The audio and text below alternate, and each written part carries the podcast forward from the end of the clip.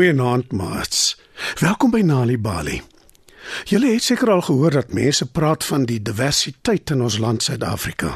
Dis 'n groot woord, maar al wat dit beteken is daar is baie verskillende mense met baie verskillende gewoontes wat in ons land saamlewe. Dis hoekom ons 11 amptelike tale het, waarvan Afrikaans een is. Dit wil gedoen wees, né? Nee? En maats, ek is seker julle dink soms aan wat julle eendag wil word wanneer julle groot is, nie waar nie? En ook hoekom? Party van julle wil sekerlik in julle ouers se voetspore volg en dieselfde beroepe beoefen as hulle. Dis waaroor vanaand se storie gaan. Julle sal onthou dat ons soms na tradisionele stories luister in ons program. Nou ja, vanaand se storie, Die Reënmaker, is een van die stories. Dit is geskryf deur Gossie Gossie. Skryf dit nader en spits julle oortjies. Eenmal lank, lank gelede in die Kalahari het daar 'n ou man gewoon. Sy naam was Rapula en hy was baie bevoorreg want hy kon reën maak.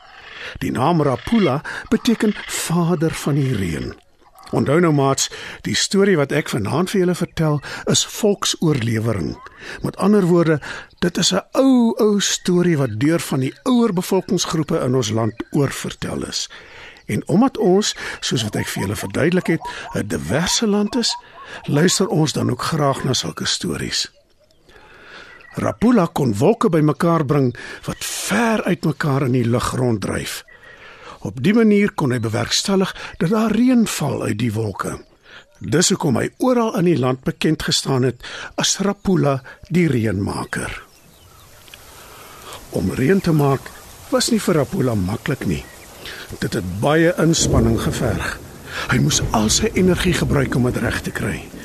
Marapula het nie omgegee nie. Inteendeel, om te sien hoe bly sy mense was oor die reën wat uit die lug val, het hom gelukkig gemaak. Wanneer dit reën, maak mense die water bymekaar en dan kan hulle dit drink en gebruik om kos mee te maak.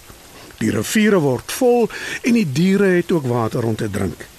Die reën voed ook die plase in die Galagadi. Nadat hy baie jare lank reën gemaak het, word Rapula, wat nou al oud is, siek en sy kragte word al minder en minder. Die Galagadi word al droër en die groen gras en bome begin verdwyn.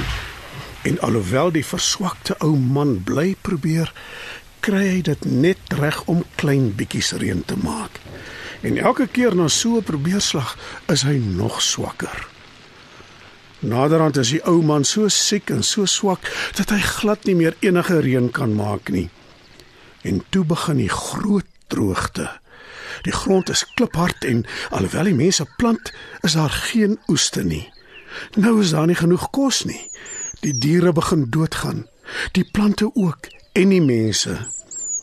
Die mense van die Galagadi wag geduldig. Hulle hoop dat die reënmaker gesond sal word. Terwyl hulle wag, deel hulle hulle kos met mekaar en hulle sorg dat die reënmaker die heel beste kos kry. Miskien herwin hy sy krag binnekort. Sê een dorpsbewoner hoopvol en 'n ander een beamoen. Hy moet net. Anders weet ek nie wat van ons gaan word nie. Maar hulle besef uiteindelik dat hy nie gesond gaan word nie. Die wyse manne van die dorp weet dat Rapula die reënmaker sy magte aan iemand anders sal moet oordra en dat al wat hulle nou kan doen is om te wag. Maar toe sterf Rapula die reënmaker en die mense van die Galagadi is baie hartseer. Die enigste troos is dat hulle weet sy vermoë om reën te maak sal nie verlore gaan nie. Daar sal 'n nuwe, jonger persoon wees wat nou die reënmaker sal word. Die mense reël 'n groot begrafnis om van Rapula afskeid te neem. Mense kom van heinde en verre, van afgeleë dele van die Galagadi om dit by te woon. Hulle bring kos en drank saam om dit ander te deel, al het hulle self nie veel nie. Net voordat Rapula die reënmaker begrawe word, gebeur dit waarvoor die mense van die Galagadi gewag het. 'n Teken wat wys wie die nuwe reënmaker sal wees. Daar verskyn 'n reënboog en dit hang oor 'n jong meisie se kop. Haar naam is Mapula en sy is Rapula se kleindogter.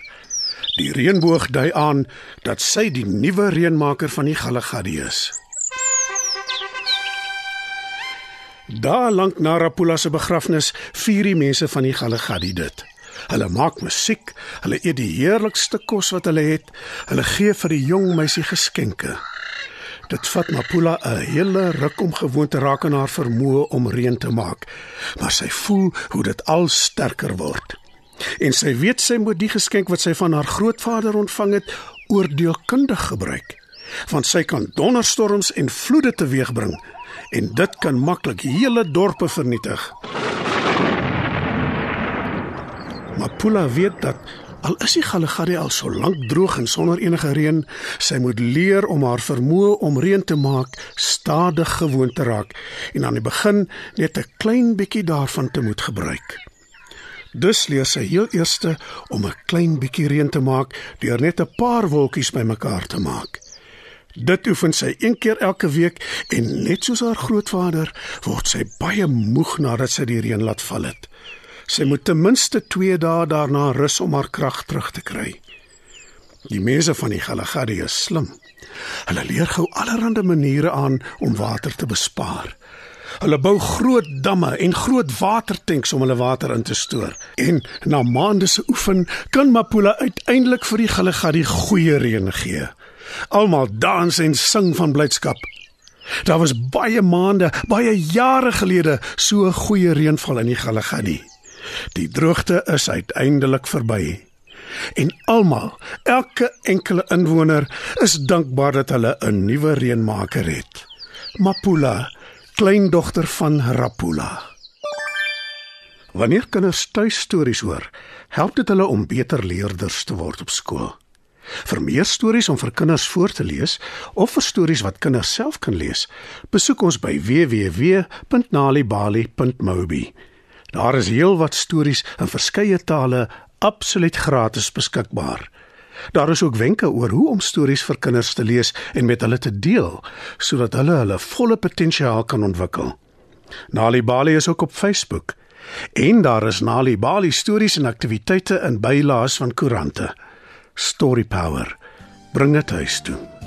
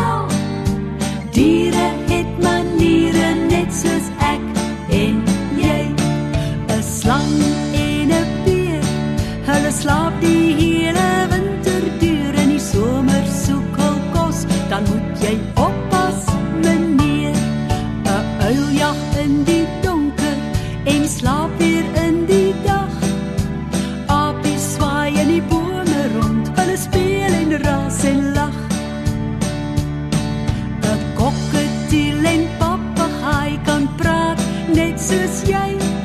En 'n Piet my